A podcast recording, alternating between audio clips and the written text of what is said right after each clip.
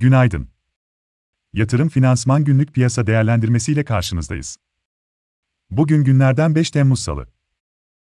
Amerika Birleşik Devletleri'nin Çin'e yönelik bazı kalemlerde gümrük vergilerini gevşeteceği beklentisi, Amerika Birleşik Devletleri-Çin ilişkilerinde iyileşme beklentilerini de beraberinde getirerek küresel borsalara alım getiriyor. Bu sabah, Amerika Birleşik Devletleri Hazine Bakanı ile Çin Başbakan Yardımcısının bir video konferans gerçekleştirmesi de bu beklentileri destekliyor. Dün kapalı olan Amerika Birleşik Devletleri'nde vadeli endeks kontratları bu sabah pozitif tarafta, Asya'da da genel olarak alıcılı bir seyir izleniyor. BIST'te de pozitif açılış bekliyoruz.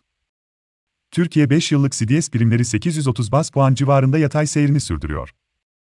BIST 100 endeksinde dirençler 2450, 2475 ve 2500, destekler 2400, 2370 ve 2330. Ajandada ise içeride reel efektif döviz kuru ve hazinenin 5 ve 10 yıl vadeli borçlanma ihaleleri izlenecek. Dışarıda Almanya ve Euro bölgesi hizmet PMI ile Amerika Birleşik Devletleri'nde fabrika siparişler ve dayanıklı mal siparişleri takip edilecek. Yatırım finansman olarak bol kazançlı bir gün dileriz.